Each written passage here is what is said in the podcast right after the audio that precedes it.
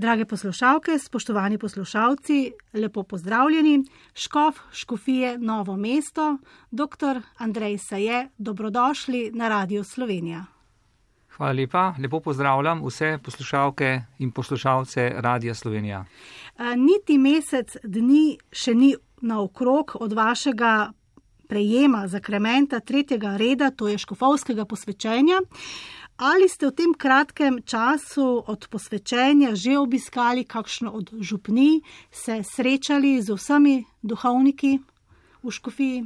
Ja, sem že bil na nekaj župnijah, imel sem dve sveti birmi v Šentrneju, pa že prvo nedeljo, takoj po posvečenju in potem na odtočcu naslednjo nedeljo. Sicer pa sem se srečal z večino duhovnikov že pred posvečenjem, ko smo imeli srečanje ob slovesu prejšnjega škofa, neke vrste piknik, neke vrste družabno srečanje, to je bilo še v mesecu avgustu. In tam je prišlo več kot dve tretjini duhovnikov na to srečanje, tako da večino itak poznam že odprej. E, sem pa tudi že v tem času tudi zasebno obiskal nekaj duhovnikov, naprimer včeraj zvečer, z nekega sestanka, ko sem se vračal, sem obiskal starejšega duhovnika čisto nenapovedano, ko sem prišel mimo, sem pogledal, če je doma in je bil tudi zelo vesel. Dejali ste mi, da šteje škofija približno 80 duhovnikov. Drži, ja. Kaj pa redovnic? Imamo tudi nekaj redovnic, pa redovnikov, ščire Marije pomočnice, naprimer v Šmihelu, potem imamo brate Frančiškane tudi v Novem mestu, potem imamo tudi kartuzijansko skupnost, imamo tudi salezijansko skupnost, imamo karmeličanke, sestre zaprtega tipa, sprav klauzurni red, tako da tudi redovniki imajo izjemno pomembno vlogo, naj si bodo aktivni red ali pa tudi, če so kontemplativni za življenje crkve. Skratka, eh, škofija je zelo bogata, bomo dejali. Eh, vernice in verniki v škofiji Novo mesto so vaš nastop pastirske službe pospremili z velikim pričakovanjem, tudi veseljem. Kaj jim odgovarjate? Ja, sam odgovarjam, da bom napravil, kar je v mojih močeh. Zavedam se svojih omejenosti in tudi se zavedam, da so mogoče pričakovanja zelo velika. To je lahko tudi izkušnjava, češ nov človek pride, nov škof ali nov predsednik ali nov papež, sedaj bo pa vse drugače. V bistvu je to sicer nekaj drži, nekaj, nekaj je na tem, gotovo ima predstojnik veliko in pomembno vlogo, vendar pa do resničnih sprememb, mi v cerkvi govorimo predvsem o notrnih spremembah, o duhovnih spremembah, o potrditvi vere, o evangelizaciji, o tem, da bi bolj spoznali evangelij, da bi ga vzeli za svojega. To pa prihaja, da vsak pri sebi naredi neko pot in da vsak napravi tisto, tisto oziroma spreme tisto odgovornost in gre na to pot in potem, da se tudi vsak pri sebi deloma spremeni in potem bo seveda tudi v naši družbi drugače. Tako si predstavljam spremembe v cerkvi, po družbi, da vsak spreme svoj delež odgovornosti. Torej, spremembe se lahko dogajajo od spode na vzgor, ne pa od zgore na vzdolj. Absolutno. E, vemo, da samo neki ukazi z vrha ali naročila, da to nima posebnega učinka. Mi smo sedaj na začetku tako imenovane sinodalne poti in na tej poti je prva stvar, predvsem stvar škofa ali predstojnikov cerkve, da poslušamo najprej duhovnike, potem pa tudi ostale vernike, v kakšnih razmerah živijo, s kakšnimi vprašanji se srečujejo, kako vidijo svojo pot naprej. In to je tudi moje poslanstvo. Jaz tudi, ko obiskujem župnije ali duhovnike, jih v glavnem poslušam. 90-95% časa gre za poslušanje, ker včasih tudi mogoče naporno, včasih se zdi, da je pogovor mogoče brezpredmeten ali da gre kje v neko smer, ki ni zelo koristna, ampak kljub temu se mi zdi zelo koristno že z nekega človeškega ali terapevtskega vidika, z, da, da se poslušamo in da jaz poskušam tudi razumeti sogovornika in ga tudi podpreti v njegovih iskanjih in njegovih prizadevanjih. Doktor Saje, odprli ste vprašanje sinode, ta se je začela v teh dneh, trajala bo dve leti. Gre za nek proces, kjer boste duhovniki in tudi vernice in verniki skupaj iskali rešitve za prihodnost eh, cerkve. Geslo sinode je za sinodalno cerkev, občestvo, sodelovanje, poslanstvo. papež Frančišek je poudaril, navajam, sinoda naj se ne prelevi v cerkveno konvencijo, znanstveni simpozij ali politični kongres, saj ni parlamentarna razprava. Preveva naj jo milost, naj bo proces ozdravitve, ki ga vodi sveti duh. Kako ste si torej vi zamislili ta sinodalni proces, ki se bo končal čez dve leti eh, škofovsko konferenco v eh, Vatikanu? Ja, prva stvar, ki je mogoče najtežja za nas, duhovnike, za voditelje cerkve, je to, kar sem že omenjal, je poslušanje.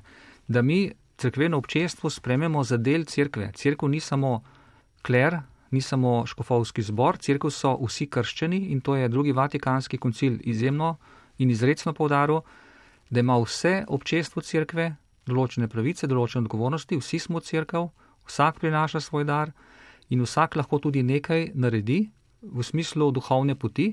Sinoda, kar papež izpostavlja, torej ena od pomembnih stvari je ta usporedni duhovni proces. Recimo v Nemčiji so že pred nekaj časa začeli tako imenovano sinodalno pot, der sinodale vek, ki pa je nekako zvodenel, to je bilo še pred to odločitvijo papeža Frančiška in je najbrž bil problem v tem, da je šlo predvsem za razpravljanje, za sociološke raziskave, za razumsko iskanje poti, kako naprej, premalo pa je bilo duhovno usporedne poti zraven. Papež Frančišek izredno povdarja, da je ta sinodalna pot mora biti tudi duhovna pot. Sveda se pogovarjamo o konkretnih vprašanjih, recimo pomankanje duhovnikov, upadanje števila vernikov, razne težave, ki se z njimi srečujemo, hkrati je pa potrebna tudi notranja duhovna refleksija o božji besedi, o evangeliju, o molitvi, ob pogovorih, tudi v domači družini, naprimer v učupniških občestvih, v raznih skupinah.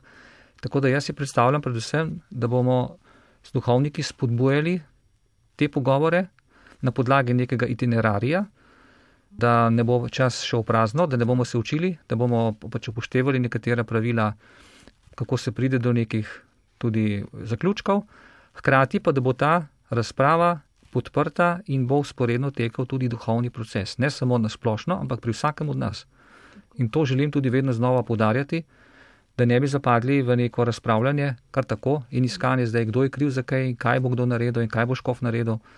Vprašanje je, kaj bom jaz naredil kot duhovnik, kot vernik, kot član občestva v svojem okolju, kako jaz vidim svojo vlogo, kaj jaz lahko doprinesem. Vsak lahko nekaj naredi, vsak lahko nekaj naredi. Tudi babica, ki sedi doma, ali je inženir, ali je učitelj, ali je brezposelen. Skratka, vsak ima neko vlogo in lahko nekaj doprinese k temu, da bi uh, napravili, se pravi, to crkvo, v kateri smo, bolj živo, bolj dejavno, uh, bolj odprto drugim, uh, pomoči potrebnim in tako naprej. No, se je papež Frančišek uh, svari pred muzejsko crkvijo, če ga še enkrat navajam.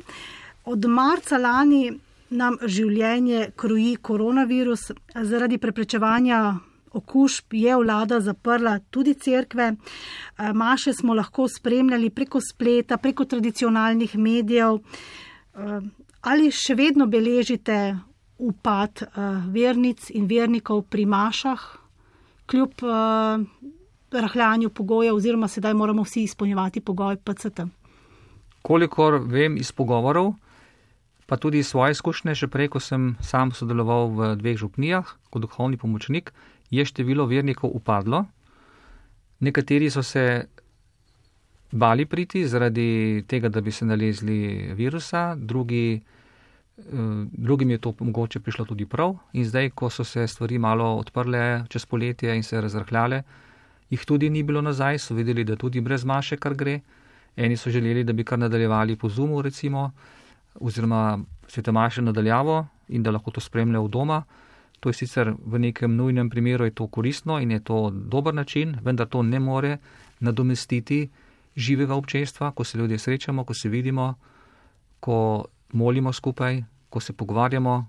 Tudi ta fizična prisotnost je res pomembna, to vsi čutimo v naši družbi, da nam je manjkalo tega stika in da smo komaj čakali, da se razmere stabilizirajo in da se lahko spet srečamo, pogovarjamo in normalno zaživimo. Tako del tega je že mogoče tudi v cerkvi, malo bolj normalno, čeprav poskušamo oziroma spoštujemo te ukrepe, ki so predpisani, da bi zavarovali zdravje ljudi, predvsem tisti, ki so najbolj ranljivi, starejši. V bistvu ste mi tudi že odgovorili na vprašanje, zakaj crkva ne zagovarja maš preko spleta, torej preko Zuma in drugih aplikacij oziroma možnosti, ker nekateri ljudje si to želijo. Ne? Jim je bilo prijetno, so se v nedeljo usedli in poslušali duhovnika iz svoje najbližje crkve. Ja, to je predvsem dobro za tiste, ki ne morejo, recimo starejši, radi spremljajo tudi eh, domače duhovnike, še posebej tudi druge, recimo, ki so bolj pogosto na spletu ali škofe. Danes imamo več možnosti izbire tudi, vendar ljudje najraje poslušajo oziroma se srečajo z domačim duhovnikom, ker je to njihovo občestvo, je to njihova župnija. Torej ta nevarnost obstaja, da bi se malo polenili, tudi v duhovnem smislu. Zato spodbujamo vernike, da bi se maš udeležili, kolikor je mogoče v fizični obliki in da te svete maše nadaljavo po spletu ostajajo kot neka opcija za nujne primere ali za tiste, ki pač ne morejo priti k sveti maši. Omenili ste duhovnike. Katoliška crkva na Zahodu se sooča z jemnim pomankanjem duhovnikov. Upozarjate, da se bo v desetih do petnajstih letih število katoliških duhovnikov v Sloveniji prepolovilo. Sveda, če ne bo nekega večjega števila mladih eh, moških, ki bi se odločili za to pot, za to poslanstvo. Eh, kje vi vidite rešitve? Da res ne bo življenje eh, zamrlo, kajti ljudje hrepenijo po eni strani po duhovnosti. Ja, rešitev je treba iskati v več smerih. Prvo je zaznati stanje, v katerem smo, to, to smo v bistvu že zaznali. Dejstvo, koliko duhovnikov imamo, kakšne starosti so, to je že statistično dejstvo in glede na starost lahko pričakujemo precejšen upad v naslednjih letih števila duhovnikov. E, novih duhovnikov, recimo v Novomeški škofiji, trenutno v bogoslovju nimamo nobenega duhovnika. Oziroma nobenega, nobenega bogoslovca, študenta. Smo imeli eno novo mašo, ena mogoče bo prihodnje leto, enega imamo v pripravljalnem letniku, sicer pa v šestih letnikih teologije v rednem študiju nimamo nikogar. Vseh Kandidatov za duhovništvo v Bogoslovju je okrog 15, v Sloveniji za 6 škofij. V mojem času, ko sem študiral sam, nas je bilo okrog 100. Še predtem, recimo še 20-30 let nazaj, jih je bilo tudi čez 200 v nekem času. Ne? In ti duhovniki zdaj počasi pešajo iz teh najstarejših časov, ko jih je bilo največ, tako da bo potrebno razmisliti skupaj z duhovniki in tudi verniki, kako uh, reorganizirati naše pastoralno življenje v župnijah. En duhovnik bo nujno imel več župni, s tem, da ne bo delal vsega, kar dela danes, da se bodo stvari spremenile in da bodo večjo vlogo sprejeli tudi lajški sodelavci. Veliko stvari v vsaki župniji lahko vodijo lajki. Tisto, kar bo najbolj nujno, bo delal duhovnik, recimo maševanje, spovedovanje, eh, recimo veruk, gospodarske stvari, gospodarsko vodenje župni. To lahko delajo sposobljeni lajki, ki jih v vsaki župniji nekaj, ki so v glavnem bolj sposobni če jim zaupamo, tudi odlično delajo lahko in upravljajo svoje poslanstvo. Škof Krško celovške škofije, dr. Jožef Markec, vi ga zelo dobro poznate, bili ste njegov na nek način duhovni pomočnik ne? v preteklih letih, bil je tudi soposvečevalec na slovesni umestitvi vas v škofovsko službo. Razmišlja, da bi more biti crkva odpravila celibat župnijskim duhovnikom oziroma celibat za župnijske duhovnike, ne pa redovnikom. Kaj pa vi pravite na to možnost? O to je tudi eno od področji, kjer se tudi razpravlja. Tudi na tej sinodalni poti ukinitev celibata mislim, da ni vprašanje. Tudi celibat je bil prisoten v prvi krščanski cerkvi in je bil ves čas v zgodovini prisoten, vendar ni bil obvezen za vse. Spravi, šele v začetku drugega tisočletja je Zahodna latinska crkva predpisala celibat kot obvezen, medtem ko vzhodne crkve, tudi katoliške, imamo na, na vzhodu pet eh, katoliških obredov, ki se delijo na potobrede, to so v glavnem številčno majhni, recimo predvsem so prisotni v Siriji, v Turčiji, v Iraku, prav mali Aziji in tako naprej. Največji je grko-katoliški obred v Ukrajini, so lahko duhovniki tudi poročeni, s tem, da se poročijo, potem se šele dajo posvetiti v duhovnika. Tako da tudi pri njih celibat obstaja, tudi pri pravoslavnih celibat obstaja, vendar eh, za, za redovnike, medtem, ki je obvezen, tudi za škofe je obvezen, medtem ko za Običajne duhovnike je možnost izbire, s tem, da se morajo dati posvetiti, potem, ko se že poročijo. Tudi o tem se razpravlja v katoliški cerkvi, tudi to je ena od poti.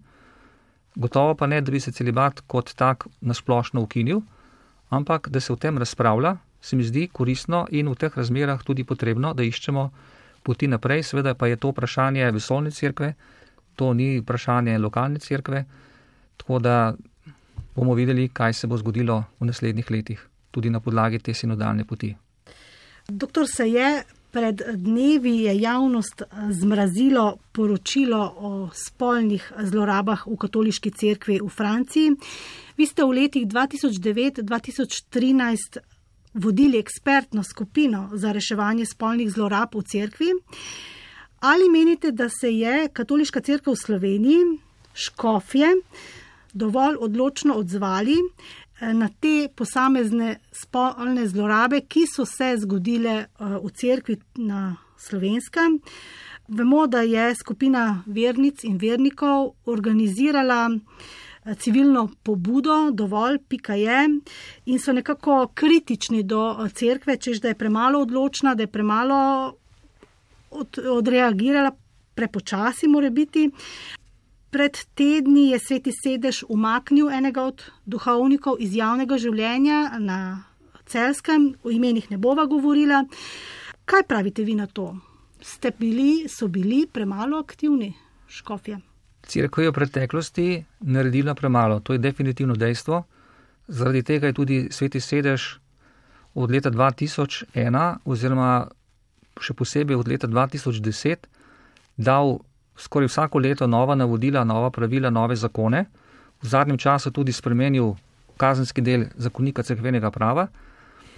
Če vzamemo samo najnovejše moto proprije papeža Frančiška, kjer zelo jasno poziva škofe, da morajo narediti in druge predstojnike crkve, kot so redovni predstojniki, da morajo storiti dejanja na eni strani preprečevanja, se pravi zaščite mladih, kolikor je to potrebno, na drugi strani pa sankcioniranje in ustrezne postopke speljati, da se eh, poišče oziroma da se ustavi storilce.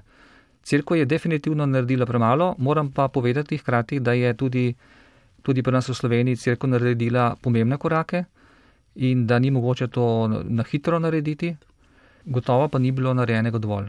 Ker vsak, vsak primer je preveč, tudi če ni tega, kot rečejo nekateri, tako veliko. Sami svoje izkušnje iz pogovorov sem se srečeval s starši in žrtvami, lahko povem, da je zelo težko poslušati take pogovore in da je en primer ali pa dva primera, dva otroka, ki jih imajo starši, uh, ki sta zlorabljena od vseh otrok, to je vse, kar imata, je to 100%, se pravi, to zelo veliko. Tako da to je zelo relativno govorjenje. Ampak res je, tudi um, Škof Štumf in vsi preostali sedaj poudarjajo, da je treba res hitro odreagirati, seveda pa ne gre za lov, na lov za čarovnice, oziroma da bi ja. ljudi kar se počes obtoževali z neresničnimi. Torej, treba je zelo, bom rekel, mogoče malo uh, strogo rečeno, tehnično pogledati, kaj se je zgodilo neke razprave na cesti ali v medijih ne pripomorejo k uspešni rešitvi posameznega primera, pač pa nek ustrezen postopek, ki ga delajo za to usposobljeni in neobremenjeni ljudje. Težavo, ki jo vidim, predvsem je pri nas bila opustitev dolžnih ravnanj. To je, da je nekdo recimo odgovoren za neke, recimo za neke, neka kaznivo dejanja kot predstojnik, če za to ve, je odgovoren za to tudi, če sam ni bil konkretno udeležen v takih dejanjih ampak je kot predstojnik opustil dolžna ravnanja. In na to tudi papež Frančišek, v, posebej v motoproprio Vos Estis Lux Mundi, vi ste ljub sveta, izredno podarja in tudi skoraj bi rekel zagrozi, da bo predstojnike cerkve, če ne bodo ustrezno ukrepali, tudi razrešil njihove službe. Pojdiva naprej, verjamem, da se boste s temi vprašanji še bolj intenzivno ukvarjali. Eh, doktor se je že 29 let opravljate duhovniški poklic, poslanstvo duhovnika. Na tej poti ste ob duhovniškem poklicu opravljali številne naloge, službe znotraj katoliške cerkve. Cerkev poznate zelo dobro. Nekaj sva že rekla o tem, kateri so izzivi pred cerkvijo. Kaj pravite, kateri so ti glavni izzivi? Glavni izziv ali pa glavna ovira, ki jo vidim danes, je strah ali negotovost ali predsotki. Naprimer, da so spremembe možne. Ena od velikih ovir je to, da, da bi ostali kar v takšnem stanju, kot je, ker itak ne moremo nič narediti. Potem tudi strah pred sodobnimi problemi, od korona krize naprej, od upadanja vere, da bi se srečali recimo z neverujočimi, z drugačimi slečimi, da nas je strah pogovorov z njimi. Sam lahko povem tudi, da mi je bilo tudi strah, ko sem bil za stike z javnostjo in sem se tega strahu kar v precejšnji meri znebil, ko sem se srečeval tudi na radiju, na televiziji, v medijih z različno mislečimi ljudmi in sem videl, da, da so mnogi normalni ljudje, da se zna z njimi pogovarjati o vsakdanjih stvarih, tudi o bolj zapletenih stvarih in da je to za nas vse priložnost, da pravzaprav se pogovarjamo, da srečamo drug drugega in da na ta način tudi rešujemo problematiko, s katero se srečujemo vsak dan, to mislim v cerkvi, pa mislim tudi v odnosu do družbe. Poseben izziv vidim prav, da se crkva odpre in da se ne ustraši težav sodobnega sveta, da posluša ljudi, da je odprta, da so odprta vrata, da ljudje lahko pridejo, se lahko pogovarjajo in da na ta način nekako začutimo drug drugega in tudi lahko potem tudi bolj ustrezno najdemo neke ustrezne rešitve. Eh, prav je, da povdarjiva tudi to, da je katoliška crkva eh, letos dobila dva nova škofa, to ste vi in tudi eh, škofija celje, škofa dr. Matjaža Maksimiljana. Prinašata nek nov veter. Kaj obljubljate vernicam in vernikom? Kaj obljubljava? Predvsem obljubljava, da bova v duhovno oporo, da bova poskušala usmeriti na bistvene stvari, to je recimo na branje Božje besede, na molitev, da bo povabila v skupine, da se ljudje srečujejo, da se med seboj pogovarjajo, da imajo možnost, da so slišani, da bomo odmevala na to, kar bova slišala, tako med duhovniki, kako tudi med verniki. Tako da se ne bojiva tega uh, izziva, v katerega so postavljena, čeprav se oba tudi zavedava, da je ta služba zelo zahtevna in da jo spremljava lahko samo v veri. Sicer se to nekemu človeškemu razumu zdi popolnoma nelogično, da bi kdo sprejel danes tako službo. Gospod, se je res živimo v razburkanem obdobju. Pandemija koronavirusa je vplivala na naša življenja. Ljudje smo se nekako znašli v nekem brezizhodnem uh, položaju mnogokrat, nekateri so popolnoma izgubljeni, jezni, imamo proteste. Kaj lahko v takšni situaciji stori crkva? Crkva kot institucija, tudi duhovniki ali škofi in vsi verujoči, predvsem lahko skrbimo za to, da bo več miru, več sožitja, več solidarnosti, več pravičnosti v naši družbi. Če vam povem en primer, ko je umiral papež Janez Pavel II, sem bil povabljen na televizijo Slovenija v, v dnevnik ob 19. in mi je takratna novinarka rekla, čas je tako razburkan, v medijih so take napete zgodbe, češ konec sveta bo, papež bo umrl, povejte nekaj pomirjujočega. Nekaj pomirjujočega, kar bo ljudi pomirilo v srcu. In to se mi zdi danes pomembno, ker so čustva zelo razgreta. Eh, razumske utemeljitve vidimo tudi glede cepljenja, glede virusa, glede ne vem, ukrepov. Neke razumske, znanstvene, strokovne utemeljitve dosti krat ne zaležejo, ker tako prevladujejo čustva.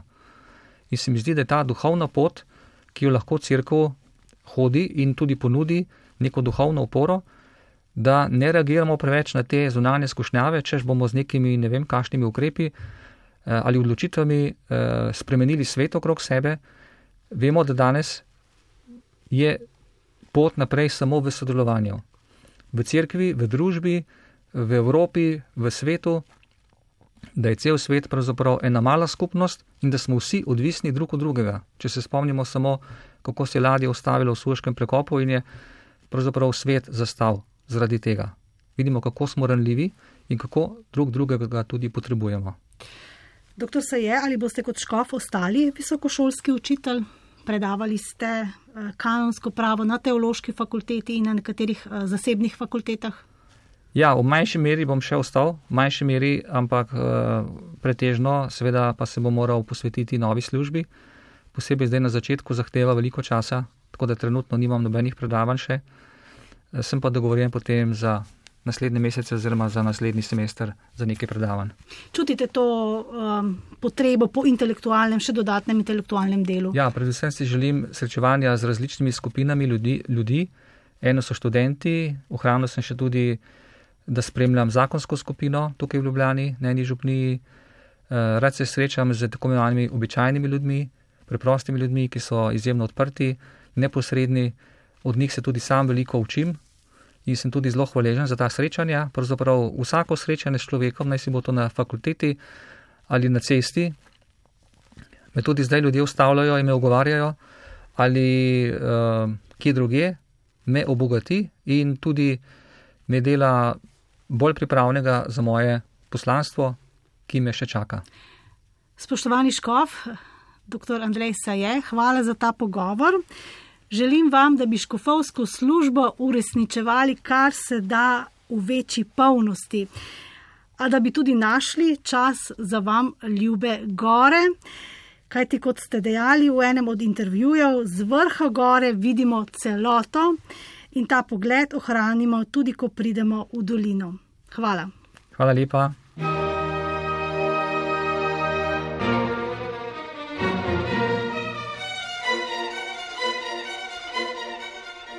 Sedmi dan.